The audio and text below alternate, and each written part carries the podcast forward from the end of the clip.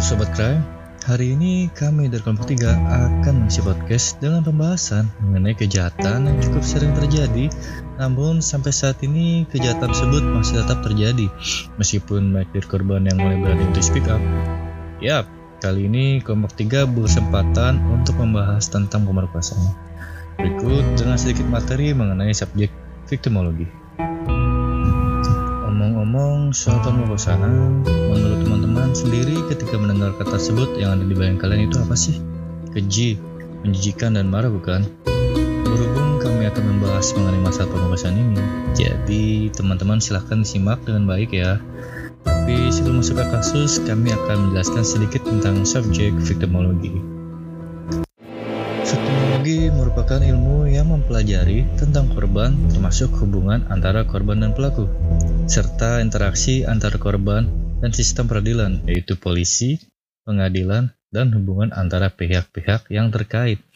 Serta di dalamnya juga menyangkut hubungan korban dengan kelompok-kelompok sosial lainnya dan institusi lain seperti media, kalangan bisnis, dan gerakan sosial. Selain itu, victimologi juga membahas peranan dan kedudukan korban dalam suatu tindakan kejahatan di masyarakat, serta bagaimana reaksi masyarakat terhadap korban kejahatan. Proses di mana seseorang menjadi korban kejahatan disebut dengan viktimisasi. Nah, itu tadi sedikit penjelasan mengenai victimologi. Sekarang, kita akan mulai ke inti pembahasan awal tadi, yaitu pemerkosaan. Menurut Komnas Perempuan, mengartikan aksi pemerkosaan sebagai serangan dalam bentuk pemaksaan hubungan seks dengan memasukkan penis, jari tangan, atau benda-benda lainnya ke dalam vagina, dubur, atau mulut korban. Serangan dilakukan tidak hanya dengan paksaan, kekerasan, atau ancaman kekerasan. Perkosaan juga termasuk didahului dengan manipulasi halus, penahanan, tekanan verbal, atau psikologis tinggalkan godaan kekuasaan atau dengan mengambil kesempatan di tengah situasi dan kondisi yang tidak seharusnya. Selama ini kita mungkin menganggap bahwa pemerkosaan hanya bisa dilakukan oleh pria kepada wanita.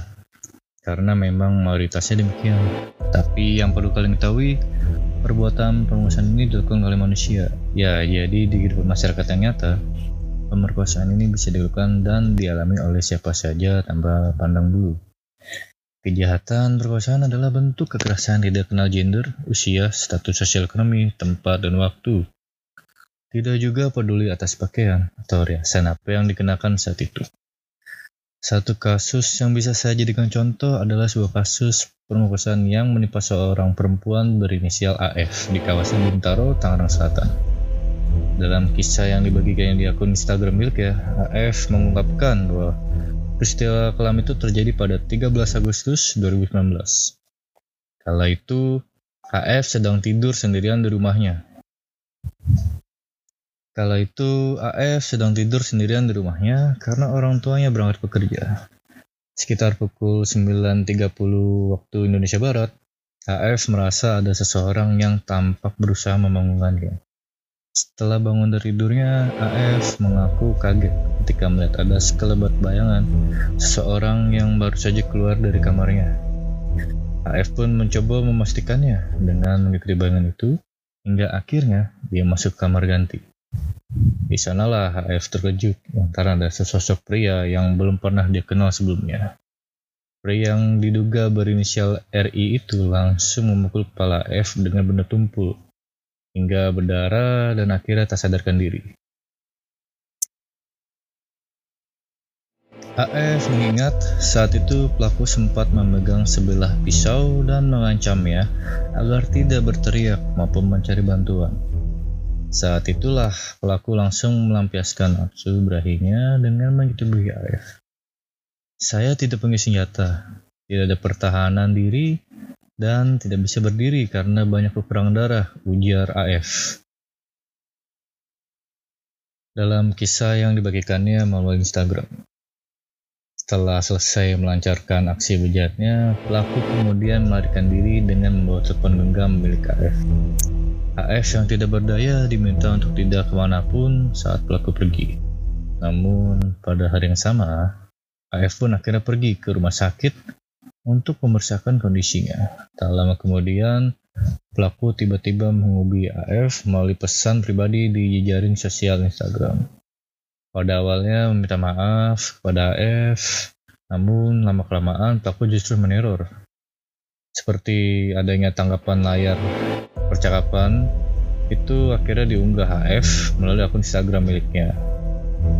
Dalam unggahan itu terlihat pelaku mengindikasi AF dan mengajaknya kembali berhubungan. Kejadi, kejadian tersebut cukup membuat kita sebagai pembaca dapat merasakan rasa ngerinya ya.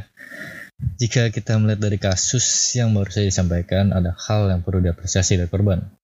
Yaitu kita kor ketika korban memberanikan diri untuk melaporkan dan membagikan pengalamannya dengan tujuan agar pelaku cepat ditangkap. Perlu kalian ketahui, dalam sebuah kasus pemerkosaan atau pelecehan, Jarang sekali seorang korban dapat memiliki keberanian untuk langsung melapor atau memberikan pengalamannya karena mereka biasanya mengalami trauma dan degradasi mental. Hal ini disebabkan karena mereka merasa malu dengan keadaan mereka sehingga memilih diam. Nah, dengan korban yang berani untuk berbagi, ini merupakan salah satu faktor yang sangat penting dalam penyelesaian kasus perkosaan karena pada umumnya korban mengalami ancaman akan dilakukan perkosaan lagi dari pelaku dan hal ini membuat korban takut dan trauma. Seperti yang terjadi pada kasus yang baru saja kami sampaikan. Yang diharapkan dari pengaduan ini adalah adanya jalan keluar agar kasusnya dapat terbuka dan dapat dilakukan proses pemeriksaan, sehingga korban akan memperoleh keadilan atas apa yang menimpa dirinya. Sebagaimana yang telah disampaikan oleh Lydia Suryani dan Sri Wurdani, bahwa perkosaan dapat terjadi karena berbagai macam sebab, seperti ada rasa dendam, karena rasa dendam pelaku pada seseorang wanita sehingga wanita lain menjadi sasaran kemarahannya. Korban sebagai kompensasi perasaan tertekan atau stres atas permasalahan yang dihadapinya karena pengaruh rangsangan lingkungan seperti film atau gambar-gambar dan karena keinginan pelaku yang seksualnya sudah tidak dapat ditahan. Juga karena didukung oleh situasi dan kondisi lingkungan maupun pelaku dan korban yang memungkinkan dilakukan pemerkosaan. Dalam setiap kasus pemerkosaan paling tidak memiliki tiga hal, yakini pelaku, korban, dan situasi atau kondisi. Ketiga hal tersebut tidak dapat dipisahkan satu sama lain, masing-masing mempunyai andil sendiri-sendiri dan mendorong timbulnya suatu tindak pidana perkosaan. Seperti dalam kasus kejahatan, konsep tentang korban seharusnya tidak saja dipandang dalam pengertian yuridis, sebab masyarakat sebenarnya selain dapat menciptakan penjahat, juga dapat menciptakan korban. Artinya, seorang korban ditempatkan pada posisi sebagai akibat kejahatan yang dilakukan terhadapnya baik dilakukan secara individu, kelompok, ataupun oleh negara. Menurut temuan Rock, kelompok-kelompok masyarakat yang secara tidak proporsional menurut populasi cenderung lebih banyak menjadi korban kejahatan adalah satu perempuan, kedua anak-anak, ketiga kelompok minoritas secara rasial, dan keempat kelas pekerja. Jika kita lihat kembali ke temuan Rock mengenai kelompok masyarakat yang cenderung lebih banyak menjadi korban kejahatan, bisa dilihat bahwa anak-anak dan perempuan masuk ke daftar tersebut. Dan jika kita perhatikan, mayoritas korban perkosaan dan pelecehan seksual adalah perempuan dan anak-anak. Keji ketika kita membayangkan seorang anak kecil menjadi korban dari tindak kejahatan yang tidak manusiawi seperti perkosaan, yang menyebabkan trauma berkepanjangan hingga anak tersebut dewasa. Terlebih, ada beberapa kasus di Indonesia yang pelaku perkosaan terhadap anak kecil ini keluarga atau kerabat dekat, bahkan orang tua sendiri. Saya pribadi tidak bisa membayangkan rasa trauma, penderitaan, dan ketidakadilan yang dirasakan korban. Begitupun dengan korban perempuan remaja atau dewasa, saya pribadi tidak bisa membayangkan Bagaimana rasa trauma, malu, dan takut untuk keluar seorang diri, atau bahkan berhubungan dengan orang lain karena rasa takutnya yang begitu besar akibat trauma.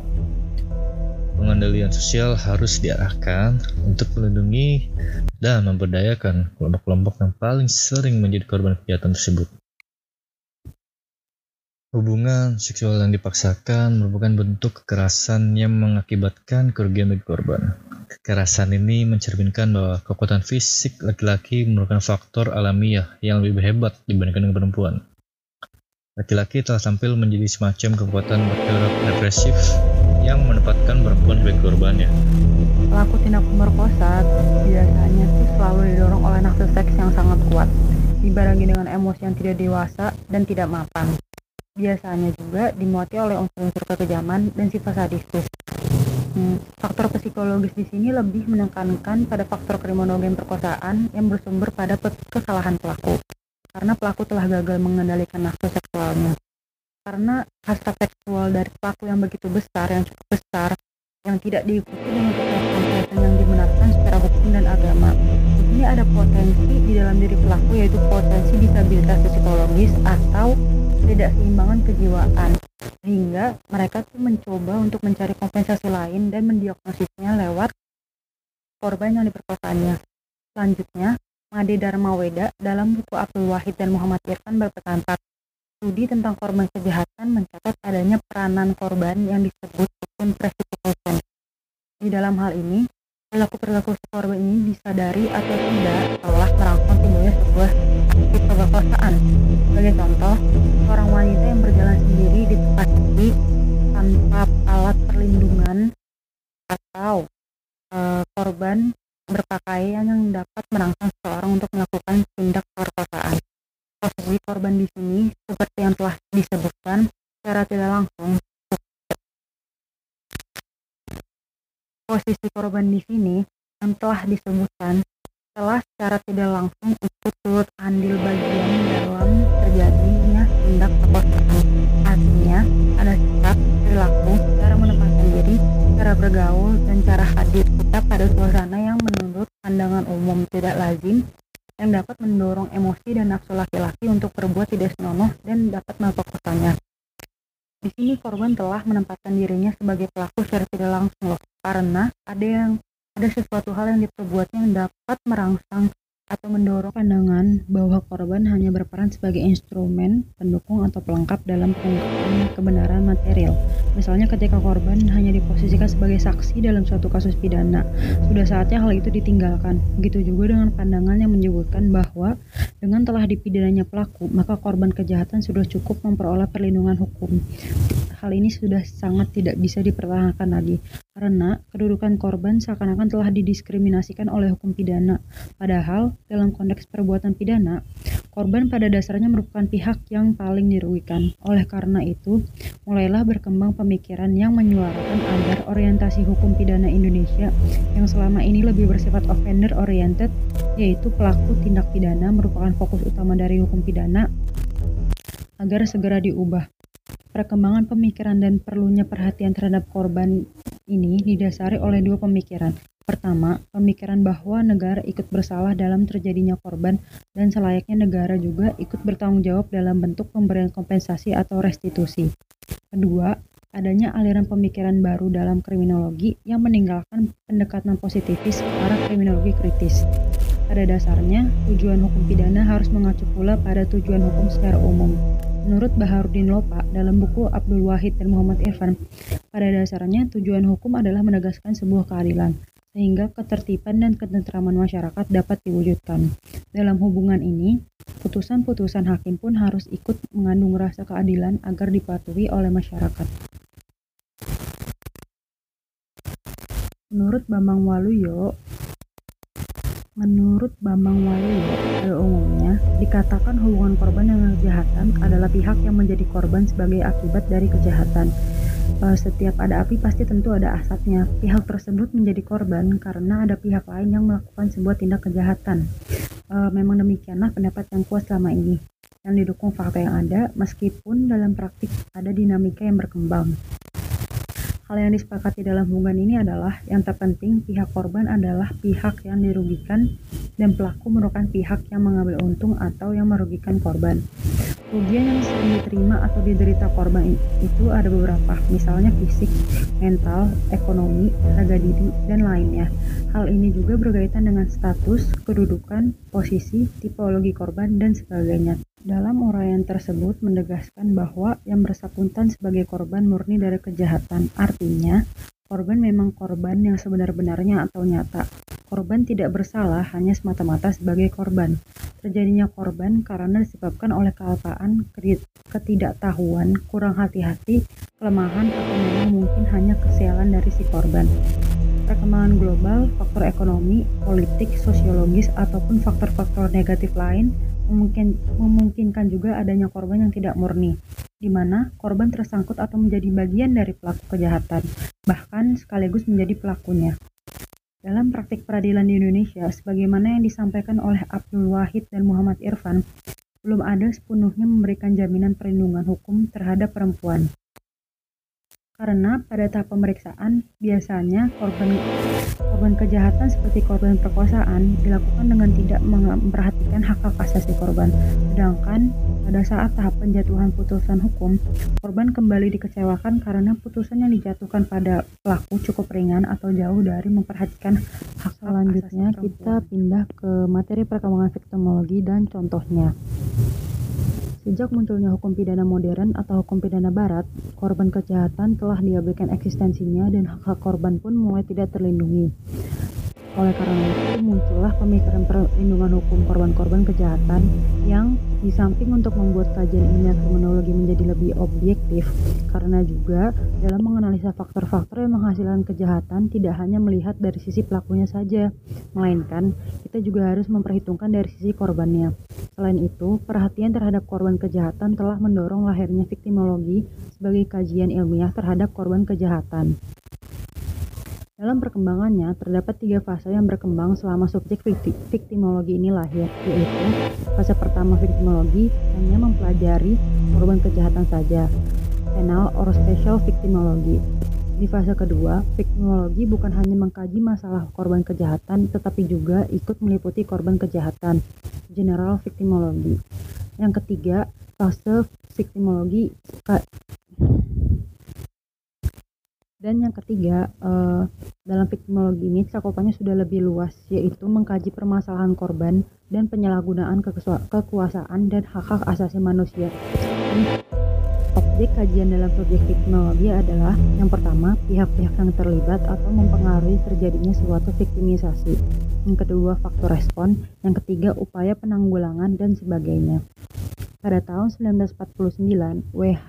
Nagel ikut melakukan pengamatan mengenai victimologi yang dituangkan dalam tulisannya dengan judul Decriminaliteit van Os Chroniken.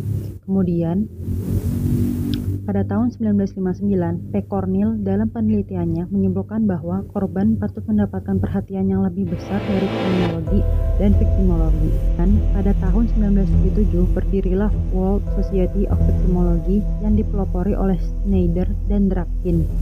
Perubahan terbesar dari perkembangan pembentukan prinsip-prinsip dasar tentang perlindungan korban terwujud pada saat diadakannya Kongres di Milan pada 26 Agustus 1985 yang menghasilkan beberapa prinsip dasar tentang kejahatan dan penyalahgunaan kekuasaan yang selanjutnya diadopsi oleh Perserikatan Bangsa-Bangsa pada 11 Desember 1985 di dalam suatu deklarasi yang dinamakan Declaration of Basic Principle of Justice for Victims of Crime and Abuse of Power. Dalam deklarasi tersebut, tercantum prinsip-prinsip keadilan dasar bagi korban kejahatan, penyalahgunaan kekuasaan, dan disahkan oleh resolusi Majelis Umum pada tanggal 29 November 1985. Korban berarti orang-orang yang secara pribadi atau kolektif telah menderita kerugian, termasuk luka fisik atau mental, bahkan kerusakan lain yang cukup besar atas hak-hak dasar kemanusiaannya lewat tindakan yang bertentangan dengan hukum pidana. Hal ini juga termasuk pada hukum yang melarang penyalahgunaan kekuasaan yang bisa dikenai pidana. Negara sudah seharusnya mempertimbangkan agar memasukkan ke dalam hukum tentang pelarangan penyalahgunaan kekuasaan.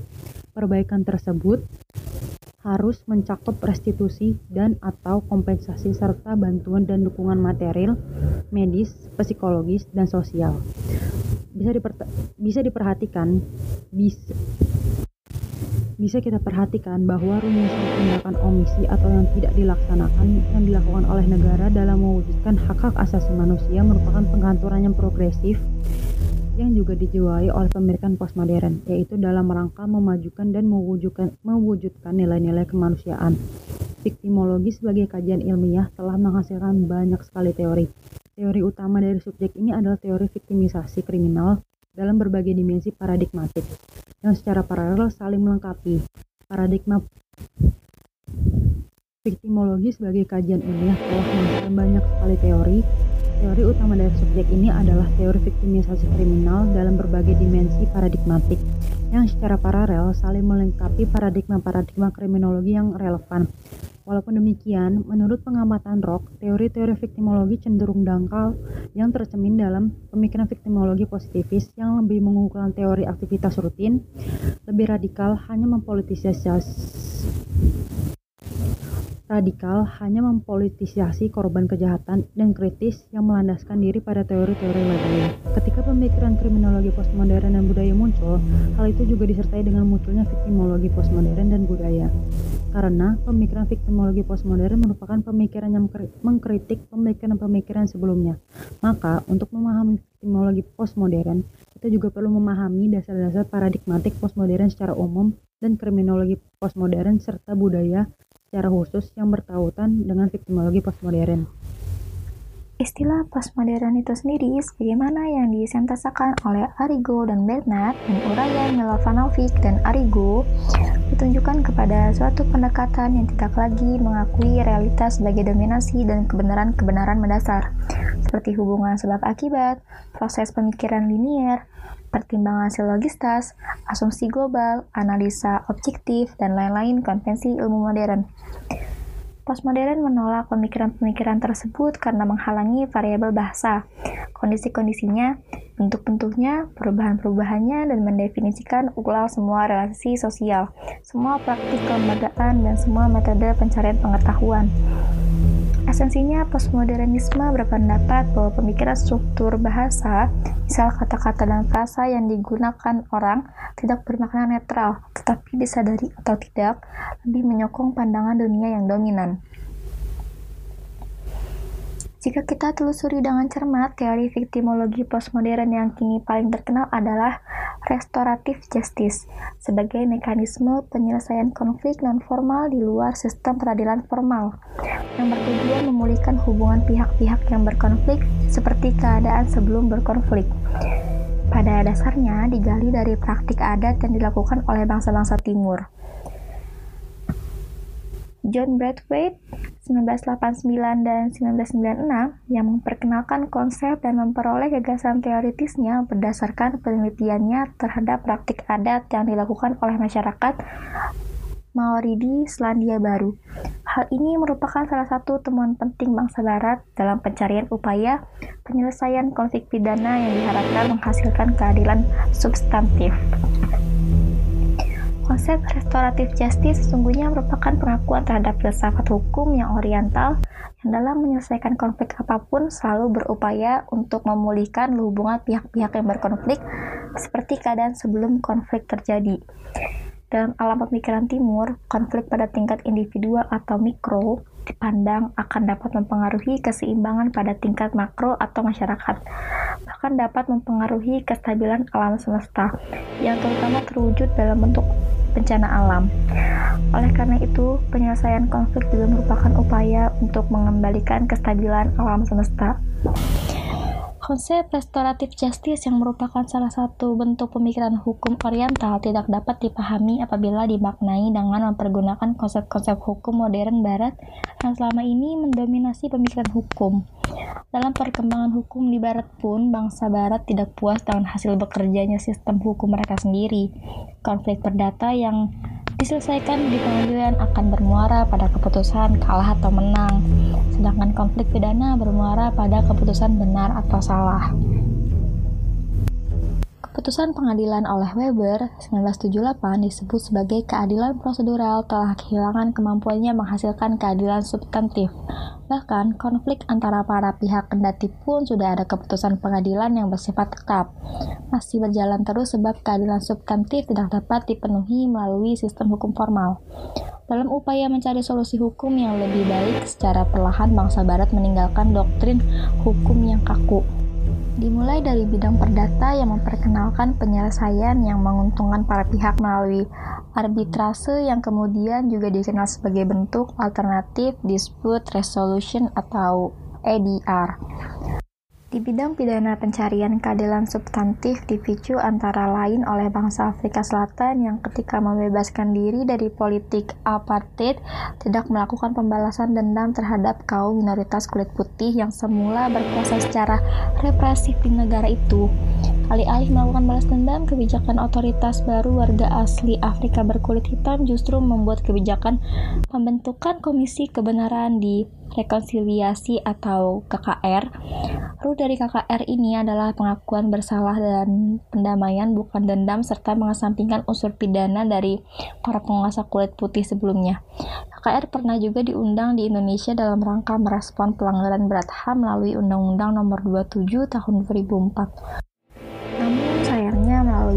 Judicial review di Mahkamah Konstitusi Undang-Undang KKR tersebut dibatalkan. Pembatalan tersebut lebih diwarnai oleh pemahaman hukum yang bersifat legalistik teoritis hukum barat, yang jauh dari realistis bekerjanya masyarakat timur.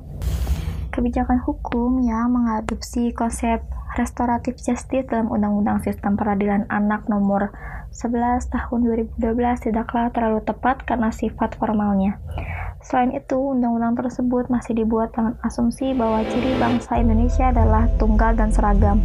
Padahal bangsa Indonesia berciri majemuk yang dirumuskan dalam filosofi negara Bhinneka Tunggal Ika. Praktik restoratif justice sesungguhnya adalah praktik hukum adat yang banyak dilakukan oleh suku-suku bangsa pada masyarakat bangsa-bangsa timur termasuk Indonesia. Sebagai filsafat hukum bangsa timur atau oriental, maka kebijakan hukum penerapan restoratif justice sesungguhnya sebagian besar diartikan sebagai revitalisasi hukum adat. Bila konflik terjadi di antara sesama pendukung adat yang sama, Revitalisasi ini memperoleh pijakan yang kokoh yaitu UUD 1945, amandemen keempat pada pasal 18B yang secara tegas mengakui eksistensi masyarakat hukum adat. Viktimologi postmodern tidak hanya membicarakan korban kejahatan setelah terjadinya kejahatan. Viktimologi postmodern juga mempromosikan langkah-langkah pencegahan bagi terjadinya viktimisasi kriminal. Salah satu sumbangan penting dari kriminologi postmodern bagi viktimologi adalah pemikiran realis.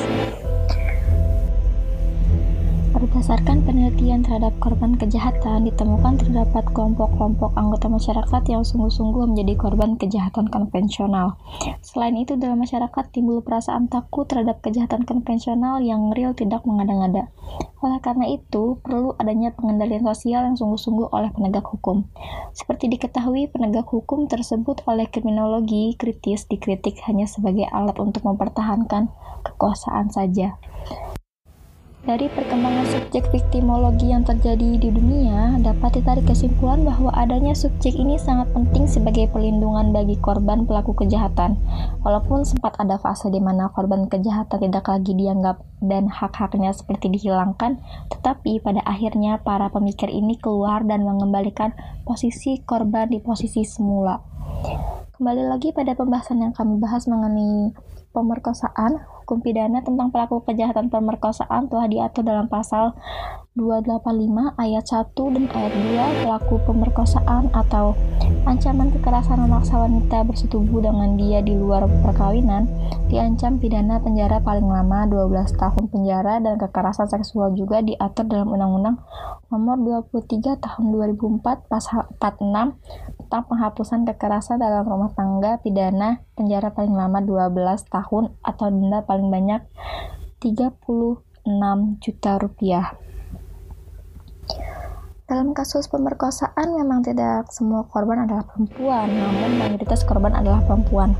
Tetapi sayangnya di Indonesia belum ada aturan mengatur tentang perlindungan hukum terhadap perempuan korban pemerkosaan, di mana dalam pasal 285 KUHP ayat 1 dan 2 dan Undang-Undang KDRT nomor 23 tahun 2004 pasal 46 tentang kekerasan seksual yang dalam rumah tangga hanya mengatur tentang sanksi bagi pelaku yang melakukan pemerkosaan terhadap perempuan dan pusat pelayanan terpadu pemberdaya perempuan dan anak.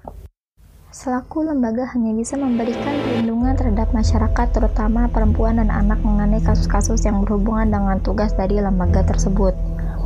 Hak-hak mengenai korban kejahatan termasuk korban pemerkosaan telah diatur dalam Undang-Undang Pasal 28H UUD 1945. Semua korban berhak atas hidup yang layak sejahtera lahir batin. Pasal 28G ayat 1 UUD 1945 berhak atas perlindungan diri pribadi, keluarga, kehormatan, martabat, dan harta bendanya. Terakhir, pasal 281 ayat 1 UUD 1945 berhak hidup, tidak disiksa, berhak atas kemerdekaan pikiran dan hati nurani, berhak beragama yang tidak dapat dikurangi dalam keadaan apa pun.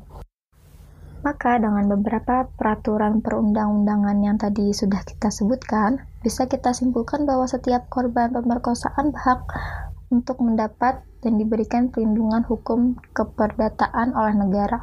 Karena jika perlindungan hukum ini tidak dipenuhi, maka kualitas kehidupan sang korban tentu akan terganggu dan ada rasa tidak adil yang timbul. Dengan tingkat kejahatan pemerkosaan di Indonesia yang bisa dikatakan cukup tinggi bagi kita perempuan atau siapa pun yang mendengarkan ini di luar sana, kami akan memberikan beberapa tips atau upaya agar setidaknya kita dapat terhindar dari kejahatan pemerkosaan. Tips yang utama adalah kita harus memperkuat benteng diri kita, harus menumbuhkan rasa berani dengan menanggapi catcalling dan berani menegur jika ada seseorang mulai melakukan hal tidak senonoh. Kedua, Berbekali diri kita dengan beberapa kit sebagai alat perlindungan seperti alat kejut listrik, semprotan lada, dan lainnya. Ketiga, selalu waspada dan berjaga-jaga saat di lingkungan umum. Setidaknya kuasai beberapa gerakan bela diri. Namun, jika seseorang sudah menjadi seorang korban, maka tips mencegah rasanya sudah tidak mungkin kita bagikan ke mereka. Oleh sebab itu, bagi mereka yang sudah menjadi korban, kita bisa membagikan beberapa tips agar mereka tetap kuat dan tidak merasa sendiri di situasi berat pasca kejadian. Tipsnya adalah, ajaklah bercerita dengan mendengarkan segala keluh kesah korban mengenai kejadian tersebut karena hal utama yang diperlukan oleh korban adalah tempat untuk bercerita dan bersandar dan sibukkan diri dengan kegiatan positif yang akan mendistrak isi kepala serta acara amal, olahraga, musik, sebuah organisasi, atau hal lainnya. Analisa kedudukan korban dalam terjadinya suatu kejahatan. Analisa victimologi. Korban adalah pihak yang terlibat dalam suatu kejadian tersebut. Korban dilukai dengan dipukul kepalanya hingga tidak sadarkan diri. Itu adalah partisipasi korban dalam berlangsungnya suatu kejadian secara pasif menjadi objek pelaksanaan suatu kejahatan, pihak yang dirugikan, pihak yang dikorbankan, serta pihak yang mengadu. Korban merupakan pihak yang lemah yang mendapatkan dampak dari perbuatan tidak pantas dari pelaku. Korban harus mendapatkan keadilan atas apa yang sudah menimpanya yang sudah diatur dalam undang-undang sebagai perlindungan terhadap korban. Kemudian pelaku harus mendapatkan hukuman yang setimpal dan sesuai dengan peraturan perundang-undangan atas apa yang telah ia lakukan terhadap korban karena telah menghilangkan hak seseorang dan menyebabkan seorang mengalami trauma. Pelaku pemerkosaan dapat melakukan perbuatan keji tersebut akibat beberapa faktor yang utama adalah karena nafsu. Nafsu ini bisa dipicu oleh banyak hal. Beberapa yang bisa kami sebutkan adalah karena fantasi pelaku, tontonan, bacaan, atau memang pelaku pernah melihat sendiri kekerasan seksual yang terjadi secara langsung. Selain itu, korban yang dianggap lemah dan dapat dijadikan otorita oleh pelaku juga bisa dijadikan faktor sebuah tindak pemerkosaan terjadi. Masalah pemerkosaan yang terus-menerus terjadi menjadi mimpi buruk bagi perempuan terutama dan masyarakat lain karena pelaku atau predator tidak dapat diprediksi kapan akan melancarkan aksinya. Dan jika hal ini berlanjut, maka korban akan terus bertambah dan masyarakat dengan trauma akibat pelecehan seksual akan terus bertambah. Baik, jadi berikut hal yang bisa kami sampaikan mengenai pemerkosaan dan tentang subjek victimologi itu sendiri. Semoga ada hal yang bisa diambil sebagai pandangan baru untuk teman-teman pendengar setelah mendengarkan podcast dari kami ya. Dan semoga angka kejahatan pemerkosaan atau kekerasan seksual di Indonesia dapat turun angkanya. Baik, sampai di sini dulu podcast kami kali ini. Terima kasih sudah mendengarkan hingga saat ini dan sampai bertemu lagi di lain kesempatan. Adios.